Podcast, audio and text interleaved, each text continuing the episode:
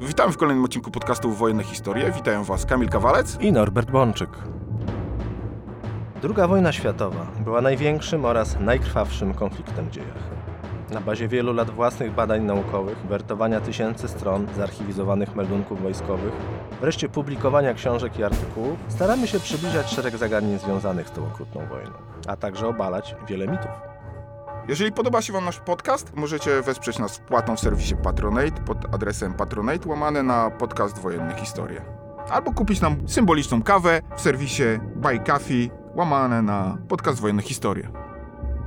Norbert, chciałbym Ci zadać pytanie. Dlaczego Niemcy mieli tyle dywizji pancernych i zmechanizowanych we wrześniu 1939 roku, a my nie? Czy jest na to proste pytanie, równie prosta odpowiedź? Rzeczywiście, kiedy spojrzymy na potencjał, na ODB obu armii, czyli z jednej strony naszego wojska polskiego, a z drugiej strony najeźdźcy, tego pierwszego najeźdźcy, czyli Wehrmachtu, Słowaków, to nie liczę w tym momencie, to zauważymy, że Niemcy zaatakowali nas we wrześniu 1939 roku łącznie siedmioma dywizjami pancernymi, czterema dywizjami zmechanizowanymi, zwanymi dywizjami lekkimi. Bardzo złudna nazwa, tak naprawdę to były bardzo groźne jednostki, no po prostu jednostki zmechanizowane. I do tego jeszcze posiadali cztery dywizje piechoty zmotoryzowanej plus mniejsze pododdziały, na przykład zmotoryzowane jednostki SS i tak dalej. No ale rzeczywiście siedem dywizji pancernych, cztery dywizje zmechanizowane, a z naszej strony niczego równorzędnego nie było. My wystawiliśmy jedną brygadę, możemy powiedzieć, że zmechanizowaną, chociaż bardziej może zmotoryzowaną, ale trzymając się tej nomenklatury, jedną brygadę zmechanizowaną, to była 10 Brygada Kawalerii i w trakcie organizacji była druga taka brygada, Warszawska Brygada Pancerno-Motorowa.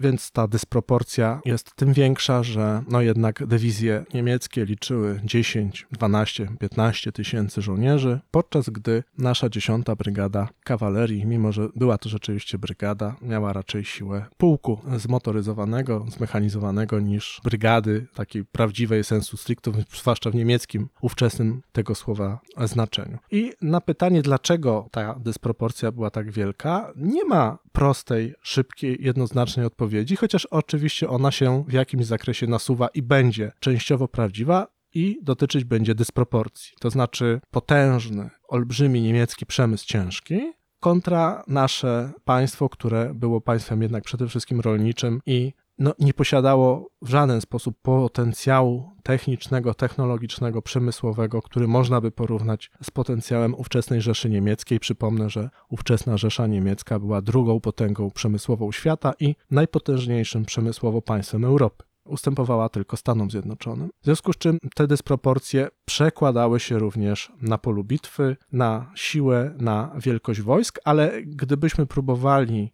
sprowadzić odpowiedź tylko właśnie do tego, to nie bylibyśmy do końca uczciwi, dlatego że oprócz problemów z politechnizacją społeczeństwa, z zapleczem, oprócz również problemów finansowych, bo ja przypomnę, że w systemie fiskalnym Rzeszy między 1 kwietnia 1938 roku a 31 października 1938 roku, czyli w przeciągu kilku miesięcy jednego tylko 1938 roku, Rzesza Niemiecka wydała na zbrojenia więcej niż Polska przez 20 lat niepodległości.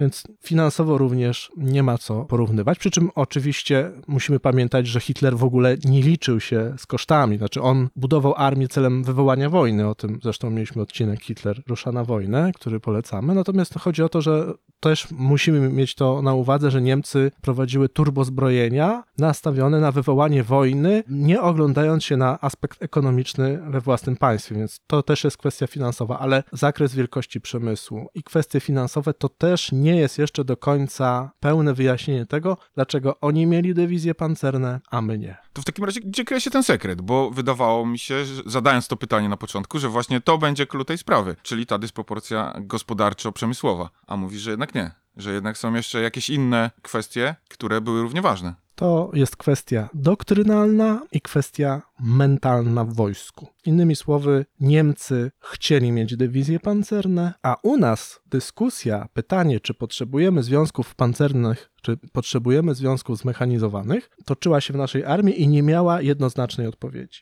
Ale można by powiedzieć, że abstrahując od obiektywnych przesłanek ekonomicznych i przemysłowych, nie było w naczelnym dowództwie Wojska Polskiego odpowiedniej presji na formowanie tego typu jednostek. Wprost przeciwnie, o ile w Niemczech była bardzo silna grupa oficerów, która dążyła do mechanizacji armii i mimo sprzeciwu bardziej zachowawczej kadry dowódczej znalazła dojście do Hitlera i przeforsowała swoje koncepcje, o tyle w Polsce nie udało się przekonać głównych decydentów do tego, że to jest istotny kierunek. To znaczy, marszałek Śmigły Rydz wprost po klęsce wrześniowej 1939 roku przyznał to, że on nie doceniał broni pancernej jako narzędzia w wymiarze operacyjnym, wiedział, że niemieckie dywizje pancerne będą groźne i że to jest poważny problem. To nie stanowiło zaskoczenia, natomiast realne zdolności wojsk zmechanizowanych niemieckich stanowiła olbrzymie zaskoczenie dla i marszałka Śmigłego Rydza, i dla generała Stachiewicza, czyli dla szefa sztabu głównego, bo to były osoby, które w dużej mierze decydowały o tym, w jakim kierunku będzie się rozwijać wojsko polskie, w jakim kierunku ono się będzie modernizować.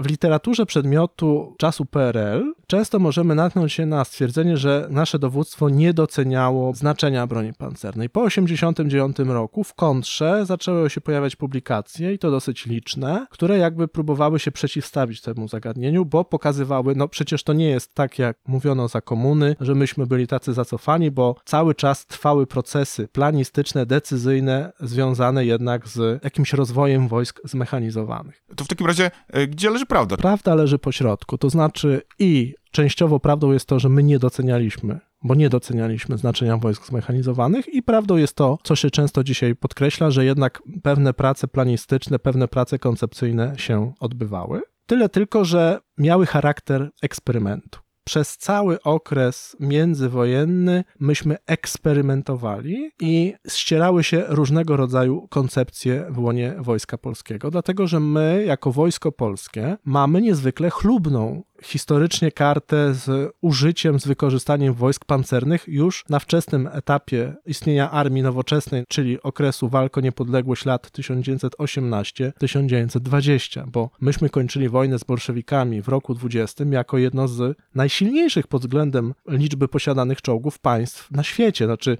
oczywiście w żadnej mierze nie mogliśmy się równać z mocarstwami zachodnimi, ale sam fakt posiadania całego pułku czołgów i relatywnie licznych samochodów pancernych stawiał nas w gronie państw wiodących. Oczywiście to nie były duże liczby, ale w porównaniu do innych i tak było nieźle. Do tego dochodziły ciekawe doświadczenia operacyjne i taktyczne z sławnym rajdem na Kowel grupy zmotoryzowanej w roku 1920, kiedy stworzyliśmy improwizowaną grupę pancerno-motorową, która oskrzydliła przeciwnika i wdarła się do Kowla, uniemożliwiając zorganizowanie wojskom bolszewickim tam skutecznego oporu. I to było doświadczenie, które zrobiło olbrzymie wrażenie na Armii Czerwonej, natomiast u nas nasi dowódcy wyciągnęli z tego niestety wnioski nie do końca poprawne. No właśnie o to chciałem spytać, czy wnioski wyciągnięte z kampanii roku 1920, z wojny polsko-bolszewickiej zostały zapomniane, czy potraktowane jako mniej istotne? No właśnie problem polega na tym, że nie tylko, że nie zapomniano w naszym wojsku tego roku 20, tylko doświadczenia roku 20 strasznie ważyły na doktrynie, strasznie ważyły na koncepcjach rozwojowych sił zbrojnych. A czym była wojna 20 roku? Była jedną wielką improwizacją. Niewielkie armie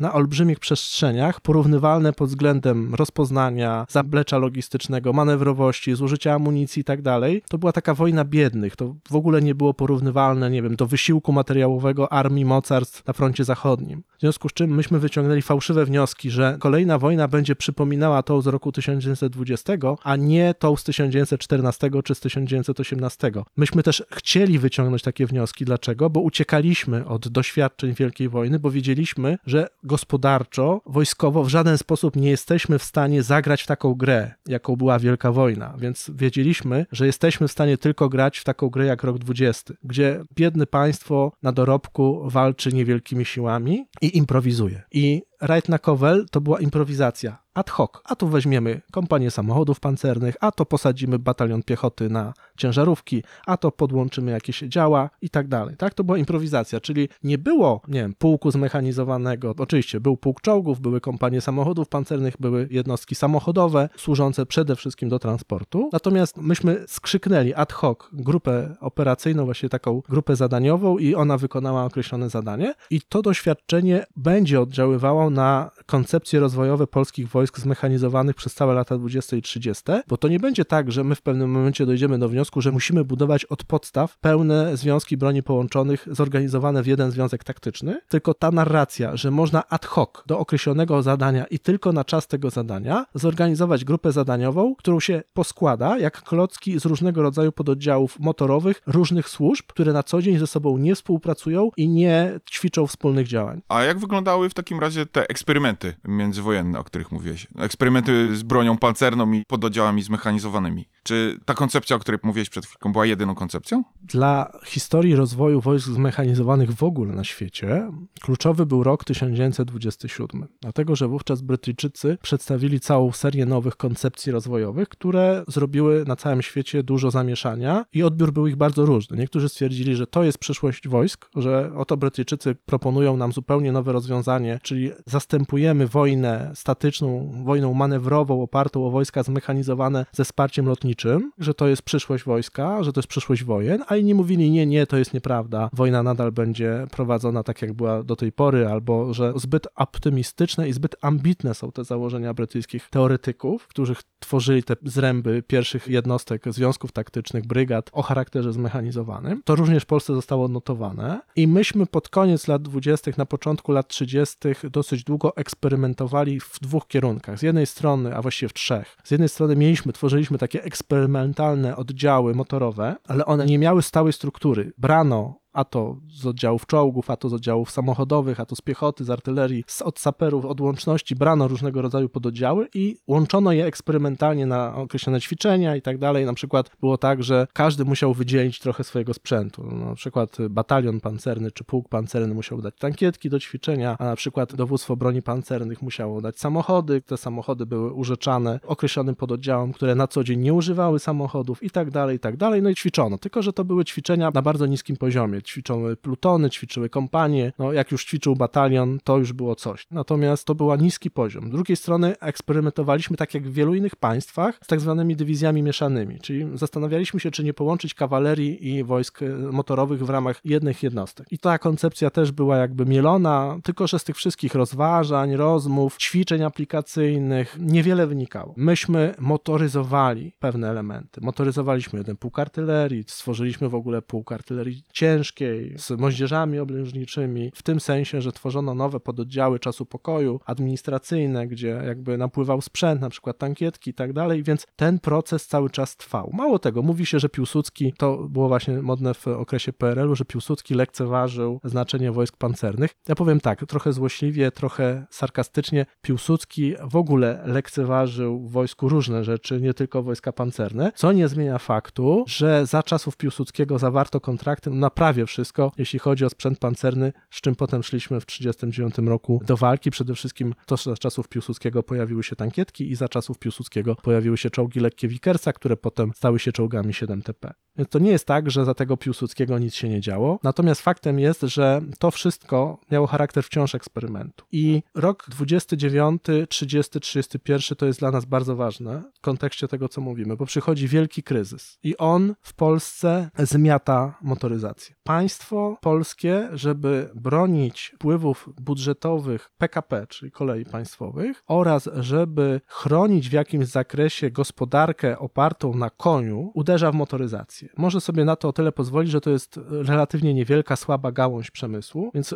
rząd wychodzi z założenia, że lepiej poświęcić coś mniejszego, mimo że to jest perspektywiczne, niż coś większego, mimo że to perspektywiczne już nie jest. To powoduje, że pojawiają się przepisy, które mordują w Polsce prywatną motoryzację. I to jest gwóźdź do trumny i przyczyna podstawowa, że wojsko jest emanacją państwa. Jeżeli to państwo jest silne, to może wystawić silne wojsko, jeżeli państwo jest słabe, to wystawi słabe wojsko, jeżeli państwo jest słabe pod względem zaplecza technologicznego, technicznego, mechanizacji, to również armia będzie emanacją tego państwa. No jeżeli w Polsce mieliśmy do czynienia na początku lat 30. z załamaniem się rynku motoryzacyjnego, no to nie można było wytworzyć kadr dla rozbudowy wojsk zmechanizowanych, a nawet wojsk motorowych, dlatego że w Polsce samochód był przede wszystkim postrzegany jako środek transportu i zaopatrzenia, a czołg jako środek bezpośredniego wsparcia piechoty, zaś samochód pancerny jako środek rozpoznania. W związku z czym nie za bardzo łączono te trzy elementy razem, z tego również powodu, że postrzegano wielkie jednostki zmechanizowane jako olbrzymi problem budżetowy. Mieliśmy bardzo mało samochodów w wojsku chęć stworzenia brygady lub dywizji z prawdziwego zdarzenia spowodowałaby od razu zassanie do takiego związku praktycznie wszystkich samochodów z wojska. Nie było to możliwe, dlatego że podstawową funkcją samochodu w każdej armii okresu międzywojennego i każdej armii w II wojnie światowej i każdej armii dzisiaj jest zaopatrzenie. To znaczy chodzi o to, że sprzęt motorowy wykorzystywany jest jako element logistyki i zabezpieczenia logistycznego różnego rodzaju pododdziałów. W Wojsku Polskim okresu międzywojennego samochody były potrzebne na przykład lotnictwu, były potrzebne na przykład saperom, były potrzebne właściwie każdemu rodzajowi sił zbrojnych do określonych zadań. Tworzyliśmy motorowe kolumny zaopatrzeniowe, ich było bardzo mało, ale one były potrzebne na szczeblu każdej armii i tak dalej, i tak dalej, i tak dalej. Czyli te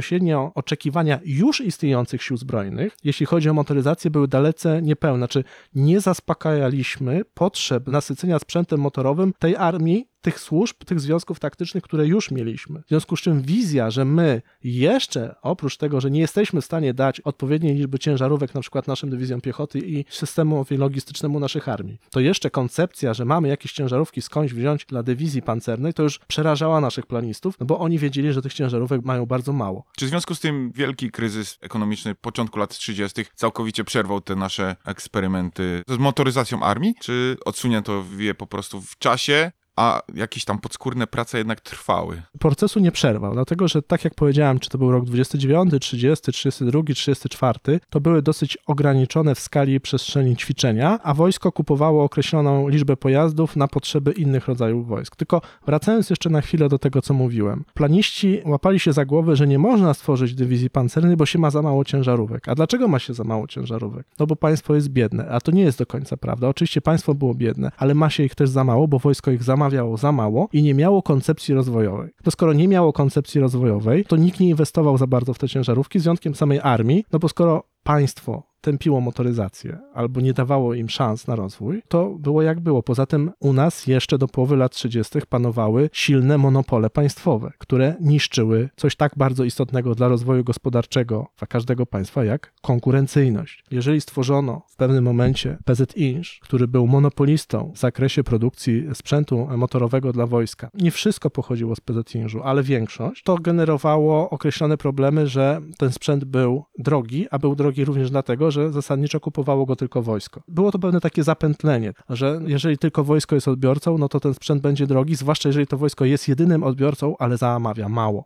Pytałeś o to, czy ten kryzys opóźnił w Polsce planowanie i rozwój wojsk pancernych i motorowych o mniej więcej 5 lat. Nie przerwał procesu planistycznego, ale go gwałtownie spowolnił i opóźnił. Weszliśmy w pięcioletnią lukę, co przy tej dynamice zbrojeń i dynamice zdarzeń międzynarodowych lat 30. było zjawiskiem, którego potem już się nie dało nadrobić. Więc szczególnie krytyczne były lata 1930-1935, dlatego że to się przekładało w ogóle na sytuację krytyczną w zakresie budżetowania armii i w zakresie w ogóle gospodarki państwa polskiego. Myśmy zaczęli wychodzić z kryzysu później niż inne państwa, bo dopiero mniej więcej około 35-36 roku. I to również się zaczęło przekładać na to, że może nie tyle ambitne, ale jednak bardziej perspektywiczne pomysły w naszej armii również zaczęły wychodzić na światło dzienne. Śmierć Piłsudskiego i objęcie armii przez Śmigłego Rydza były tutaj ważkie, dlatego że Śmigły Rydz zdał sobie sprawę w roku 1935, że jest bardzo źle że nie ma pieniędzy, że nie ma realnego planu mobilizacji, że właściwie nie ma realnego planu wojny i że wojsko jest strasznie zapóźnione również pod względem technicznym. To były już czasy, kiedy Niemcy formują pierwsze dywizje pancerne. To są czasy, kiedy są już pierwsze dywizje zmechanizowane we Francji. To są już czasy pierwszych korpusów zmechanizowanych w Armii Czerwonej, czyli u naszego podstawowego potencjalnego przeciwnika. U nas jest tak, że mamy bataliony pancerne czasu pokoju. To się przekształcało. Pułki, bataliony, ale że mamy te bataliony czasu pokoju. One muszą wystawić określone pododdziały motorowe dla wielkich jednostek, dla związków taktycznych, dla armii i tak dalej, i tak czyli kolumny samochodowe, kompanie czołgów, etc., etc. Czyli mamy strukturę pokojową, natomiast nie mamy żadnego związku taktycznego do walki z siłami zmechanizowanymi przeciwnika, nie mamy obrony przeciwlotniczej, nie mamy obrony przeciwpancernej. Na to zwracano uwagę. Śmigły Rys niestety nie rozumiał, że nie mieliśmy też kilku innych rzeczy, takich nawet ważniejszych niż ta obrona przeciwpancerna i przeciwlotnicza, bo u nas po prostu nie było systemu. System nie działał, natomiast stwierdzono, że przynajmniej trzeba coś z tym zrobić i powrócono do dyskusji, czy my potrzebujemy dywizji pancernej, czy nie. To był rok 35. Wtedy powołano w Wojsku Polskim taką specjalną komisję, którą zarządzał pułkownik Sadowski. I to była taka specjalna komisja, która miała opracować szczegółowe plany rozwoju i modernizacji sił zbrojnych w perspektywie najbliższych 6-10 lat. Komisja Sadowskiego, ona bardzo intensywnie w latach 35-36 pracowała nad różnymi kwestiami modernizacji technicznej Wojska Polskiego. Tylko, że u nas była taka dosyć specyficzna struktura w armii, że mieliśmy pion pokojowy i pion wojenny. Mówiono o tym, że to jest tor pokojowy i tor wojenny, to znaczy mieliśmy GISZ i mieliśmy Ministerstwo Spraw Wojskowych. GISZ, czyli Generalny Inspektorat Sił Zbrojnych i mieliśmy Ministerstwo Spraw Wojskowych. W GISZ-u planowano wojennie, w Ministerstwie Spraw Wojskowych zarządzano armią w czasie pokoju. Do tego jeszcze mieliśmy coś takiego jak KSUS, Komitet do Spraw Uzbrojenia i Sprzętu, który był organem planistycznym i organem w pewnym zakresie decyzyjnym, co do kierunków rozwoju sił zbrojnych, zarówno pod względem technicznym, jak i ilościowym. Do tego mieliśmy jeszcze sztab główny, czyli mieliśmy kilka ośrodków decyzyjnych i w sztabie głównym ta komisja pułkownika Sadowskiego prowadziła różnego rodzaju prace planistyczne i wnioski były takie, że inni mają te dywizje pancerne, a my ich nie mamy. I że te dywizje pancerne to są groźne, no bo mogą wykonywać uderzenia na nasze wojska w tym sensie, że przewyższają je nie tylko siłą ognia, ale też zasięgiem, zdolnościami ruchu i tak dalej. W związku z czym trzeba było znaleźć jakieś remedium. Stwierdzono, że należy sformować tak zwane oddziały zaporowe, czyli należy stworzyć przeciwwagę dla dywizji zmechanizowanych przeciwnika w postaci własnych jednostek, które zastopują je do czasu, kiedy własne oddziały piechoty i kawalerii będą mogły przyjąć z nimi walkę. Czyli to była koncepcja, która nie mówiła o tworzeniu własnych dywizji pancernych, tylko to była koncepcja, która mówiła o tym, że my musimy mieć oddziały, które zniwelują część przewag przeciwnika, dając naszym wielkim jednostkom, czyli związkom taktycznym, możliwość przyjęcia bardziej korzystnej walki. Innymi słowy, chcieliśmy opierać się na dywizjach piechoty i na brygadach, wówczas jeszcze były też dywizje, a potem na brygadach kawalerii, a jednostki zmechanizowane traktowaliśmy bardziej nie jako narzędzie do własnych działań ofensywnych, czy jako jakieś samodzielne właśnie związki taktyczne, tylko raczej jako elementy wspomagające naszą piechotę i kawalerię. I stąd pojawiła się w 1936 roku, ona się wykrystalizowała, tak zwana koncepcja oddziałów zaporowych, które otrzymały również nazwę oddziały motorowe. I komisja Sadowskiego, to jest ciekawa rzecz, zakładała, że armia polska, która ruszy do walki, będzie się składała z pięciu armii z czego zakładano, że trzy armie będą pierwszoliniowe, a dwie będą miały charakter odwodowy. W związku z czym trzy armie pierwszego rzutu były najbardziej narażone na porażenie przez jakieś gwałtowne, zaskakujące ataki wojsk zmechanizowanych przeciwnika. W związku z czym każda taka armia pierwszego rzutu powinna posiadać przynajmniej jeden oddział zaporowy. Więc pierwotnie mówiono nawet, że mają być takie trzy, miały być de facto takie małe brygady do opóźniania ruchu wielkich jednostek pancernych nieprzyjaciela. To była taka koncepcja, która wyłoniła się w sztabie głównym, dlatego że w sztabie głównym i w komisji Sadowskiego panowało odgórne założenie, że państwa polskiego nie stać na wystawienie dywizji pancernej. Że na to nas nie stać, że państwo polskie jest organizacyjnie jeszcze nie gotowe do tego, żeby inwestować duże pieniądze w coś takiego, skoro nie ma pieniędzy na podstawowe rzeczy. Skoro mamy problemy z uzbrojeniem dywizji piechoty, naszych podstawowych związków taktycznych, to nie można wydawać pieniędzy na coś, co jest eksperymentem, na coś, co nie wiadomo, czy się sprawdzi, skoro nie mamy pieniędzy na to, co już jest i co jest nam jak sądzono, najbardziej potrzebna. A czy przy tworzeniu tych oddziałów zaporowych wykorzystano te wcześniejsze doświadczenia tych, nazwijmy to, eksperymentów poligonowych prowadzonych na przełomie lat 20. i 30.? Częściowo tak, częściowo nie, dlatego że to wszystko wciąż pozostawało w sferze właśnie eksperymentu i ciężko było wyciągnąć większe wnioski z ćwiczeń małych pododdziałów. Tutaj jednak już mówiono o, o poszukiwaniu czegoś innego. Te ćwiczenia z przełomu lat 20. i 30., te eksperymenty z oddziałami motorowymi, one jednak były eksperymentami właśnie w zakresie wzmocnienia, dania takiego turbo wielkim jednostkom. Chodziło o to, że masz dywizję piechoty albo masz dywizję pancerną, ale z wyższego poziomu, na przykład dowódca armii czy naczelny wódz, może ci przydzielić taką turbo jednostkę, która zwielokrotni twoje zdolności i możliwości na czas określonej operacji, zarówno operacji zaczepnej, jak i obronnej. Natomiast koncepcja oddziałów motorowych była jednak czymś innym. W tym sensie była czymś innym, że odbierano w jakimś zakresie prawo do uniwersalizmu takim jednostkom. One miały być jednostkami broni połączonych, byłyby zbyt małe, żeby je nazwać pełnoprawnymi związkami taktycznymi. I wiedziano u nas w sztabie głównym, że jest problem, który trzeba rozwiązać, ale starano się go rozwiązać w tym sensie połowicznie, że przy jak najmniejszym koszcie i przy jak najmniejszym ryzyku. Innymi słowy, nie było w kierownictwie sztabu głównego, a zwłaszcza w osobie szefa tego sztabu, generała Stachiewicza, nie było przekonania, że należy tworzyć wielkie jednostki, związki taktyczne zmechanizowane. I generał Stachiewicz był głównym hamulcowym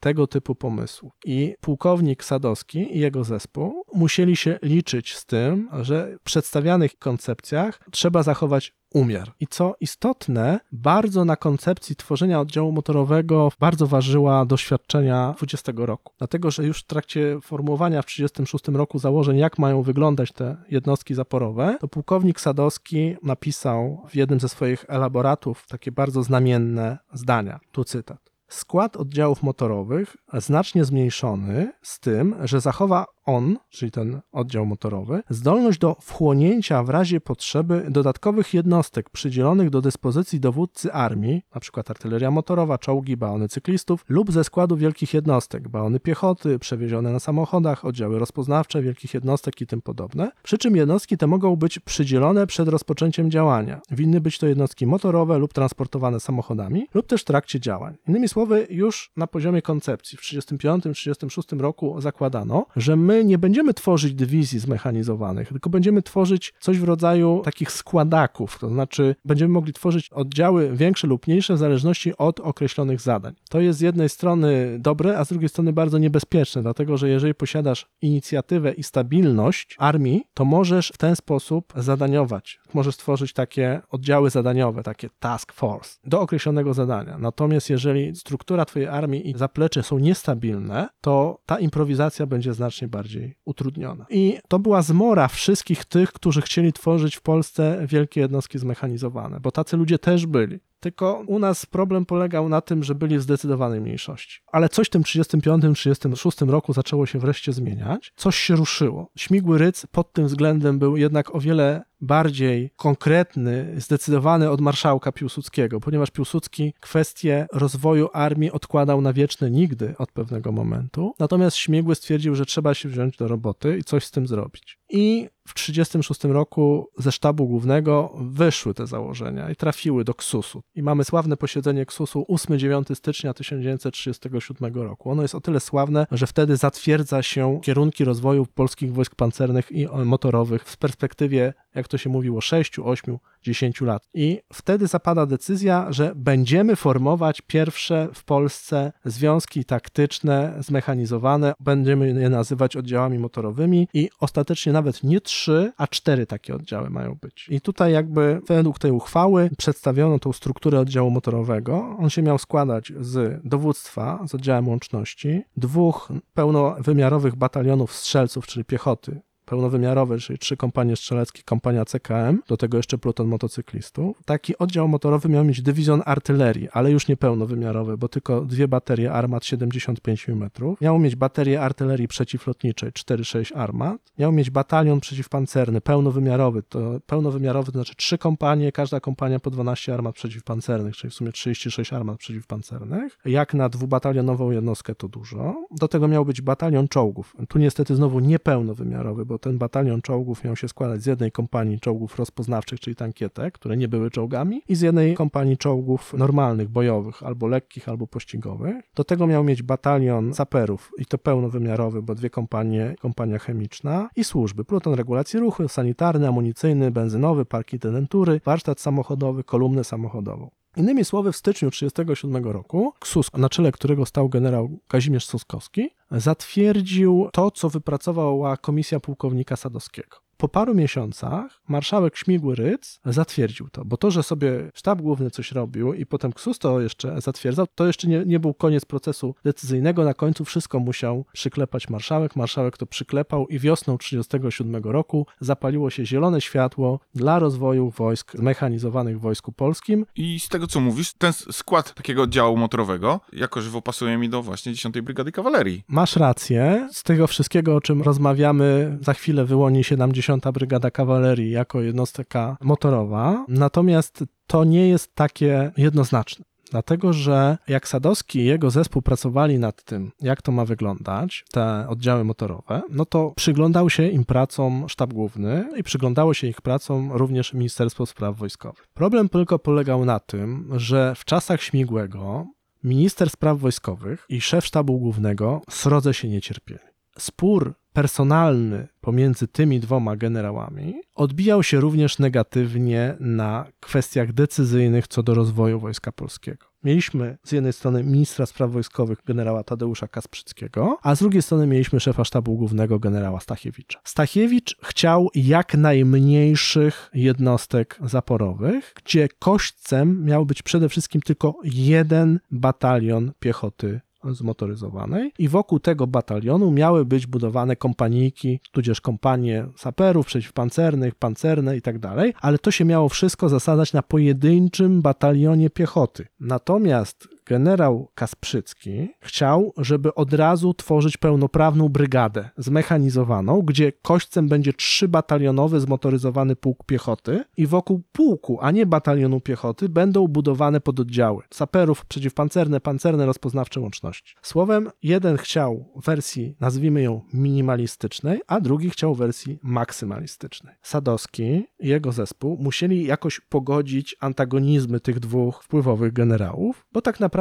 ani Śmigły Ryc, ani generał Soskowski nie interesowali się tym, czy to, co zatwierdzą, będzie miało tyle batalionów albo tyle dywizjonów. To był spór na niższym szczeblu, a panowie najwyższa szarża po prostu akceptowała albo nie, zostawiając to fachowcom na zasadzie, w sumie ja się nie znam na wojskach pancernych, to niech tam na dole zatwierdzą. Trzeba było rozwiązać ten spór. Jak podałem strukturę organizacyjną oddziału motorowego, no to ona miała dwa bataliony. Innymi słowy, to był rodzaj kompromisu pomiędzy koncepcją maksymalistyczną Ministerstwa Spraw Wojskowych, a koncepcją minimalistyczną Sztabu Głównego. Sztab Główny nie chciał jednostek niezależnych, dlatego że uważał, że to diametralnie podniesie koszty, że trzeba zbudować nowe koszary, że trzeba zakupić znacznie więcej sprzętu motorowego i tak dalej. Nie, nie, nie, nie, nie. Najlepiej koszary takie jak są, a sprzęt to ad hoc zbierzmy z jednostek, przetestujmy i najlepiej, żeby to w ogóle nie funkcjonowało na stałe, tylko to było właśnie takie z tego, co już jest, no bo Sztab Główny uważał, że są ważniejsze problemy. Natomiast Ministerstwo Spraw Wojskowych chciało jednak stworzenia naprawdę eksperymentalnego związku taktycznego, a nie czegoś bliżej nieokreślonego. I ten spór nie zakończył się w momencie, kiedy w styczniu 1937 roku zatwierdzono etat, bo ten etat jeszcze trzeba było jakoś wypełnić. I ten spór przez cały rok 37 i 38 będzie się dalej ciągnął, a w jakim zakresie może nie ofiarą, ale źródłem eksperymentu będzie właśnie 10 Brygada Kawalerii. Dlatego, że ostatecznie 30 kwietnia 1937 roku wydano rozkaz o organizacji 10 Brygady Kawalerii jako oddziału motorowego. Tylko, że wyraźnie zaznaczono, to była organizacja tymczasowa i doświadczalna, bo sztab główny nie do końca się pogodził z tym, że to będą aż dwubatalionowe jednostki i Ministerstwo Spraw Wojskowych nie do końca się pogodziło z tym, że to będzie tylko dwubatalionowe. I w tym sporze było tak, że wytypowano do zmotoryzowania brygadę kawalerii. To też jest istotne, dlatego że pułki kawalerii to są takie bataliony piechoty, tylko że można by powiedzieć, że nawet trochę mniejsze. W związku z czym łatwiej było motoryzować brygadę kawalerii, bo ona była malutka, niż na przykład bataliony czy pułk piechoty, bo te bataliony piechoty komuś trzeba byłoby wtedy zabrać. I to, że wytopowano kawalerię, powodowało, że to nie była duża jednostka. I ona była tak naprawdę mniejsza niż to nawet założył sobie Sadowski i niż to sobie założył Ksus. I było wyraźnie widać, że jeszcze w roku 1937 sztab główny ciągnął do tego, żeby to pomniejszyć, żeby na przykład zlikwidować dowództwo jednego pułku i tak dalej. Ale zaczęło się coś dziać. Zaczęła się tworzyć jednostka. Tylko jak weźmiemy ten rozkaz o organizacji 10 Brygady Kawalerii, to taka brygada etatowo to było 2400 ludzi. To nawet nie był pułk. I to była jednostka niezwykle niewielka. To znaczy, ona miała mieć według etatu dosłownie 9 armat, z czego tam 6 armat, 3 haubice, baterię przeciwlotniczą, kompanię czołgów, kompanię tankietek, niewiele ponad 100 motocykli, niespełna 300 samochodów. To z punktu widzenia organizacji i struktury sił zbrojnych mocarstw, to był wzmocniony pułk, a nie brygada w roku 37. No bo tak jak powiedziałem, oczywiście do tego dochodził problem, że to był etat pokojowy, czyli wciąż nad tą 10 brygadą wisiało takie fatum, że jak przyjdzie wojna, to dostaniecie. Że to nie jest tak, że wy będziecie mieli na stałe, nie wiem, kompanię czołgów, dywizjon artylerii i tak dalej, tylko że to będzie do was przychodziło na ćwiczenia, na zgrywanie, będziecie z tym wspólnie ćwiczyć, ale nie będzie tego wszystkiego w garażu na tu, natychmiast, na chwilę. Nie będzie to wszystko skoncentrowane w punkcie X, że padnie rozkaz, wychodzimy do walki. Nie, czasami się okaże, że wasz dywizjon artylerii jest tylko w pułku artylerii motorowej, stacjonuje 150 km od miejsca dyslokacji brygady. Dostaniecie go, jak przyjdzie co do czego, ale jak będzie problem, to możecie go nie dostać. No właśnie, w kontekście tego, co mówisz, taką przerażającą wizją jest dla mnie wizja zgrywania, czy tak jak się teraz mówi, certyfikacji takiej jednostki. To, czy to w ogóle było możliwe, żeby poddziały tej jednostki funkcjonowały jako dobrze zgrane ze sobą elementy jednego organizmu? Pewne rzeczy dało się zrobić, pewnych nie. No bo to jest troszeczkę tak jak z czołgami. Skądś te czołgi musiały się brać. Na etacie pokojowym było tak, żeby były bataliony pancerne. No i na przykład był batalion pancerny w Modlinie, który miał na stanie czołgi Vickers. Vickersy były w takim Modlinie, a 10 Brygada Kawalerii stacjonowała w południowej Polsce, czyli jej miejscem dyslokacji był Łańcut Rzeszów, czyli to był drugi koniec Polski. No w związku z czym na czas ćwiczeń, na czas alarmów bojowych czołgi przydzielano brygadzie, ale te czołgi nie stacjonowały tam na co dzień. W związku z czym dowódca kompanii czołgów nie był tak dobrze zgrany z dowódcą pułku, na przykład kawalerii, czy z dowódcą brygady, żeby to gwarantowało zespolenie, jedność. To był poważny błąd. Nie przydzielano dlatego, że uważano, że jest to problem logistyczny, to znaczy gdzieś tam w jakimś Rzeszowie zaczną budować koszary dla czołgów, skoro te koszary dla tych konkretnych czołgów są już gdzie indziej. No w związku z tym, skoro te koszary są już gdzie indziej, te garaże są już gdzie indziej, no to nie będziemy budować nowych garaży, skoro są tam, dla tych samych czołgów. To syndrom krótkiej kołdry i ograniczeń finansowych bardzo uderzał w organizację tych oddziałów motorowych. Według koncepcji brygada miała się składać z dowództwa, oddziału łączności, dwóch pułków kawalerii zmotoryzowanej, dywizjonu przeciwpancernego o trzech kompaniach, miała mieć oddział rozpoznawczy, pluton samochodów pancernych, tankietek, motocyklistów, strzelców, saperów. Miała mieć dywizjon artylerii o trzech bateriach, batalion saperów, ale słaby, bo to tak naprawdę jedna kompania plus dodatkowe plutony, batalion pancerny też słaby, jedna kompania czołgów, jedna kompania tankietek, bateria przeciwlotnicza, kolumna sanitarna. Jeżeli zobaczymy na strukturę, zobaczymy na liczebność brygady, to nie była realna brygada. I to jest świetnie, to wychodzi we wspomnieniach pułkownika Maczka, który był kolejnym dowódcą, objął tą brygadę. I on tam wspomina w swoich wspomnieniach, że je jechał, że dostał to stanowisko, to dowódcy brygady, jedzie taki podniecony, że teraz on tu będzie dowodził pierwszą polską dywizją pancerną, może nie dużą czy coś, ale jednak przyjeżdża na miejsce, dopiero wówczas zapoznaje się ze stanem organizacyjnym i etatowym jednostki, ze stanami faktycznymi i ręce mu opadają. I mówię, że o, tutaj myślą, że to będzie jakaś jednostka, jakaś brygada, coś, a to takie małe, nie wiadomo co, kołatka, on to nazwał, że to była taka kołatka. Chodzi o to, że to nie była wielka jednostka, to, to były dwa pułki kawalerii, czyli to był 10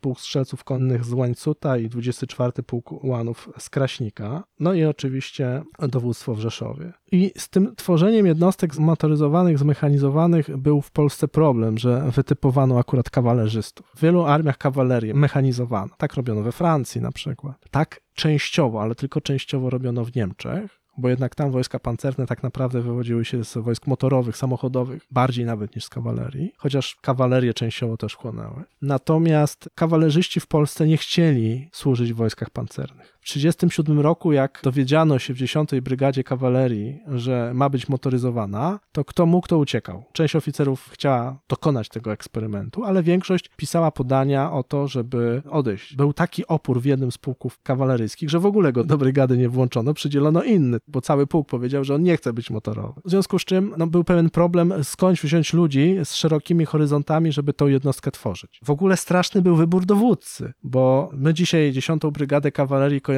głównie z pułkownikiem Maczkiem, z majorem Skibińskim, czyli szefem sztabu. Dwóch ludzi, którzy zapisali fantastyczną kartę w historii Wojska Polskiego, dwóch ludzi, którzy potem przez całą II wojnę światową, czy to najpierw 10. Brygadę, a potem w pierwszej pancernej, będą zajmować kluczowe stanowiska. Natomiast Maczek przyszedł później. Skibiński był właściwie od początku. Natomiast pierwszym dowódcą tej brygady był pułkownik Trzaska-Durski, który, to też jest bardzo charakterystyczne, za punkt honoru i rzecz kluczową uważał znalezienie sobie dobrego lokum w Warszawie i dobrego stanowiska w stolicy, bo tam była zabawa, bo tam były pieniądze, bo tam było wszystko, a prowincja to była wielka dziura według pułkownika Durskiego i przez pierwsze miesiące w ogóle organizowania tej brygady, brygada nie miała dowódcy, no bo pułkownik najpierw był chory, a potem jak się wyleczył, to się przeniósł do Warszawy, mimo że brygadę miał w Rzeszowie. Więc dowodzenie było jedyne w swoim rodzaju, więc było widać, że ta jednostka jest traktowana strasznie po macoszemu. Było tak, że postrzegano wojska zmechanizowane, wojska motorowe w polskim wojsku jako coś gorszego, jako coś w charakterze niezbyt rokującego eksperymentu, bo dobór kadry jest kluczowy, a dobrze się kadry montuje, kiedy oficerowie mają jasno wytyczoną ścieżkę kariery. Wiedzą, że mogą awansować, wiedzą, że dostaną odpowiednie apanarze, nawet jeżeli to jest prowincja. Natomiast tu było troszeczkę tak, że ratuj się kto może. Było mało osób, które miało, że tak powiem, szerokie horyzonty, że mechanizacja to jest przyszłość. W związku z czym ta brygada była jaka była i tak naprawdę do roku 39 ona nie urosła za bardzo. To była bardzo mała jednostka, która de facto aż do 39 roku musiała się skrzykiwać na ćwiczenia, na operacje, właśnie dostawała różnego rodzaju pododdziały z różnych stron Polski, Czyli wciąż tkwiliśmy w rajdzie na Kowel, tylko że to już był rajd na Kowel w wymiarze organizacyjnym, że ta brygada nie miała na stałe własnego batalionu czołgów, że Maczek tak naprawdę musiał stopniowo w Warszawie wyszarpywać kompetencje, pododdziały, ludzi. Oczywiście brygada ewoluowała i bardzo szybko się okazało, że tak, potrzebujemy właśnie takich jednostek, bo w historii Wojska Polskiego 10. Brygada Kawalerii zapisała chlubną kartę i mało tego, nie tylko chlubną kartę w kampanii, 1939 roku, ale nagle się okazało, że to była jednostka potrzebna na wszystko. Ćwiczenia wołyńskie 38, a przypominam, że 10. Brygadę Kawalerii de facto zmotoryzowano latem 1937 roku i to nie tak było, że po prostu już zmotoryzowano. Na wszystko trzeba było czekać, na samochody, na motocykle, na ciągniki. Wszystko trzeba było zabrać z jakichś jednostek, bo zamówień wciąż było bardzo mało. Myśmy cierpieli na głód pojazdów motorowych w wojsku i nikt nie chciał dać tej 10. Brygadzie swoich ciągników, swoich motocykli, swoich czołgów, no bo każdy trzymał dla siebie, bo każdy miał inne zobowiązania mobilizacyjne. W związku z czym ten napływ sprzętu był powolny. Ale ta brygada się okazała nagle bardzo potrzebna. W 1938 roku wielkie ćwiczenia wołyńskie, brygada musi tam być. Za Olzie planowana wojna z Czechosłowacją, brygada musi tam być. Różnego rodzaju zatargi z Czechami, ze Słowacją, walki z Czechosłowakami na granicy zimą 38-39, to stałe zadrażnienie, aż do upadku Czechosłowacji angażujemy 10. brygadę. Ale potem przychodzi rok 39.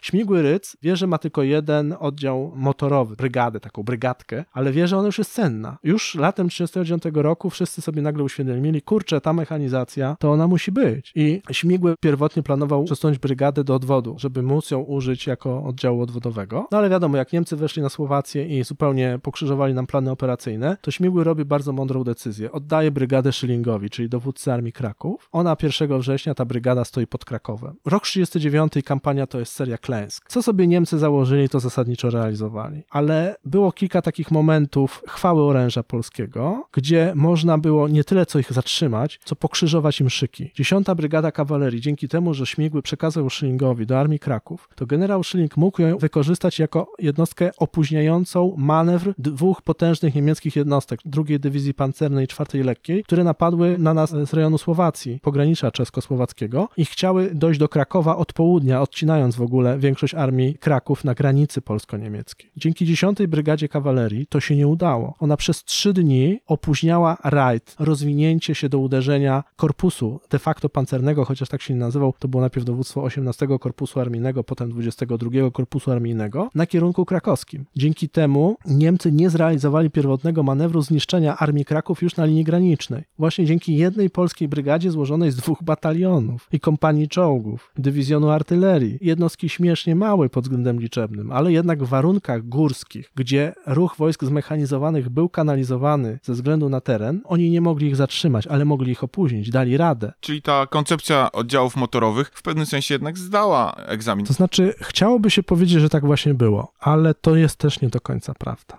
To znaczy, wielu oponentów oddziałów zmechanizowanych mówiło tak w Wojsku Polskim. Naszym głównym przeciwnikiem jest Związek Radziecki. Będziemy z nim walczyć na naszych ziemiach wschodnich, na Wołyniu, na Wileńszczyźnie i tak dalej, na Grodzieńszczyźnie, gdzie dróg nie ma bitych za dużo, gdzie ziemia jest licha w tym sensie, że dla przejazdu pojazdów, że jest dużo piachu i bagien, no i to nie jest teren dla wojsk zmechanizowanych. W związku z czym po co my mamy wydawać pieniądze na wojska zmechanizowane, skoro nie mamy na piechotę, na kawalerię, na lotnictwo, to po co mamy jeszcze eksperymentować, skoro i tak teren uniemożliwia użycie wojsk motorowych. Podkreślam, bo gdyby to była pełna mechanizacja gąsienicowa, to byłaby inna rozmowa. Natomiast podstawowym środkiem w jednostkach zmechanizowanych był jednak samochód. No i obie strony miały trochę racji, bo latem 1939 roku zaczęto formować Warszawską Brygadę Pancerno-Motorową. Jej nie planowano pierwotnie formować w roku 1939. Gdyby Hitler nie postawił nam warunków i nie postawił nas de facto przed ryzykiem wojny, to tej decyzji z 19 czerwca 1939 roku o formowaniu nowej, drugiej warszawskiej brygady pancerno-motorowej by nie było. Prawdopodobnie byłaby dopiero w roku 40, bo tak jak powiedzieliśmy, KSUS planował w sumie wystawić cztery oddziały motorowe, ale co trzy lata mniej więcej. I w 1937 roku zaczęto formować 10 brygadę kawalerii, jak i Związek Motorowy, więc drugą brygadę prawdopodobnie, gdyby nie było wojny, zaczęto by formować w roku 40.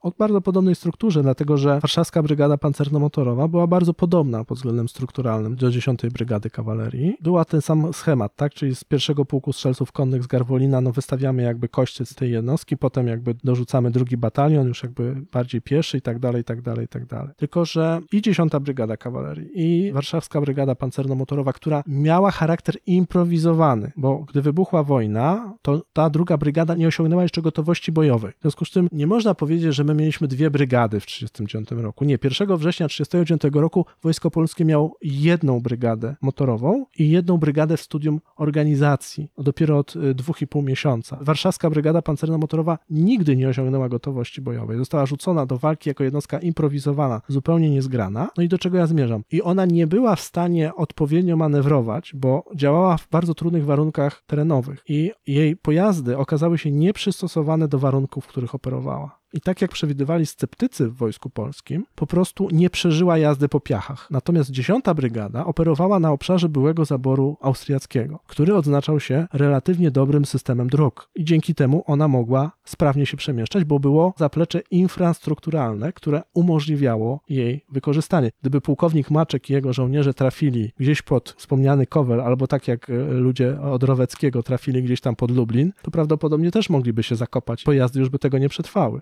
Innymi słowy, nie mieliśmy garaży, pieniędzy i nawet odpowiednich pojazdów, żeby to wszystko jakoś dobrze spinać. Natomiast wracając do początku naszego wątku, dlaczego myśmy się tej dywizji pancernej nie dorobili? Przede wszystkim nie dorobiliśmy się jej dlatego, że nie mieliśmy podstaw ekonomicznych i przemysłowych do tego. Za późno się zorientowaliśmy, jak bardzo złe są monopole państwowe w zakresie na przykład produkcji broni czy sprzętu motorowego, bo pod koniec lat 30. to PZINS już był w defensywie, dlatego że weszły prywatne amerykańskie firmy, General Motors, największy koncern ówczesny samochodowy i to Chevrolety, Opel, General Motors zaczęły królować, bo były tańsze, lepsze, sprawniejsze niż klepane w PZINS pojazdy, które były niekonkurencyjne cenowo, bo wojsko myślało, że będzie miało wiecznie monopol na zakupy. Natomiast to, że my nie mieliśmy warunków ekonomicznych, to jest prawda. I generał Stachiewicz miał trochę racji w tym, że bał się tej dywizji pancernej ale bał się jej za bardzo. To znaczy, tutaj jednak Ministerstwo Spraw Wojskowych bardziej perspektywicznie na to patrzyło, tylko no, w jakimś zakresie przegrało ten spór. Przegrało tą walkę o tą, może nie dywizję pancerną, bo to do 1939 roku było poza naszymi możliwościami, ale znów w roku 1934 czy w 1935 ktoś o tym nie pomyślał, w tym sensie, że gdybyśmy w 1935 czy w 1934 roku rzucili hasło chcemy mieć dywizję pancerną, gdybyśmy zwiększali wydatki na mechanizację, być może jakąś jednostkę większą udałoby się wystawić, bo wojsku trzeba planować z odpowiednim odpowiednim wyprzedzeniem, bo na ostatnią chwilę to często improwizacja nie musi się udać. Podstawą był problem ekonomiczny, ale koncepcyjnie również w Wojsku Polskim istniał poważny problem o roli i znaczeniu wojsk zmechanizowanych na polu bitwy. Tak jak nasi historycy w okresie PRL to pisali, nie doceniano znaczenia wojsk zmechanizowanych i to jest prawda, co nie znaczy, że eksperymentów nie było, bo były, było szukanie jakichś rozwiązań, tylko to były rozwiązania połowiczne, no bo my nie chcieliśmy stworzyć dywizji pancernej, która jako Związek Broni Połączonych będzie zdolna do samodzielnego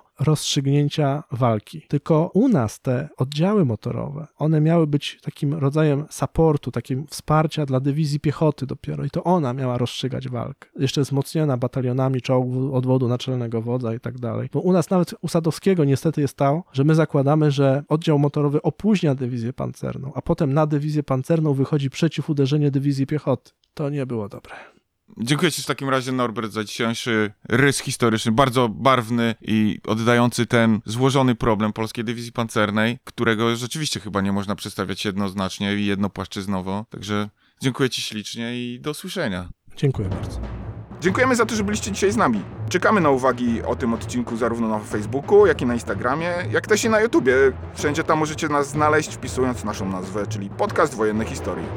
Dziękujemy Wam bardzo również za wsparcie, jakiego udzielacie nam w serwisie Patronate. To dla nas niesamowita sprawa i daje nam to niezwykłego kopa do dalszego działania. Bardzo za to dziękujemy i do usłyszenia do następnego odcinka.